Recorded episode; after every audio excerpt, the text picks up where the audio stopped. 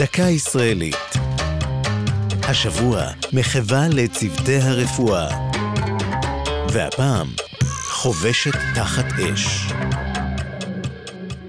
חנה יופה שירתה כחובשת בפלמ"ח ובצה"ל כמו עוד נשים רבות, וזכתה גם להיות חובשת מוטסת, ואפילו חובשת מוצנחת בקו האש, היחידה בתולדות צה"ל.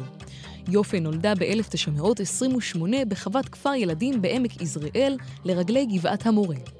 בגיל 17 התגייסה לארגון ההגנה, ואחר כך לפלמ"ח. תחילה עסקה בקשר ובהובלת נשק, ובשנתה השנייה בפלמ"ח עברה קורס חובשות. אחרי מלחמת השחרור עברה לרפואה האזרחית. כעבור שלוש שנים חזרה לשירות הצבאי והשתתפה בהקמת יחידת רפואה ניידת, שנעשתה בהמשך מוטסת ומוצנחת וסופחה לחטיבת הצנחנים. ב-1956, במסגרת מבצע סיני ומבצע קדש, השתתפה חנה יופה בחילוצם המוטס של פצועי קרב המיתלה הקשה.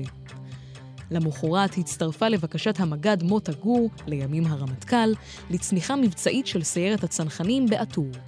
שם טיפלה במוטה גור שנפצע במהלך הצניחה, ובעקבות אותה פעולה זכתה לענוד כנפי צניחה שרקען בצבע אדום, זכות השמורה לצנחן שצנח בפעולה קרבית. חנה יופה הלכה לעולמה בשנת 2006, בגיל 77.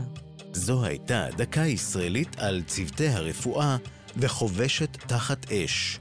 כתב חיים גלעדי, ייעוץ הדוקטור מרדכי נאור, מפיקה יעלי פוקס.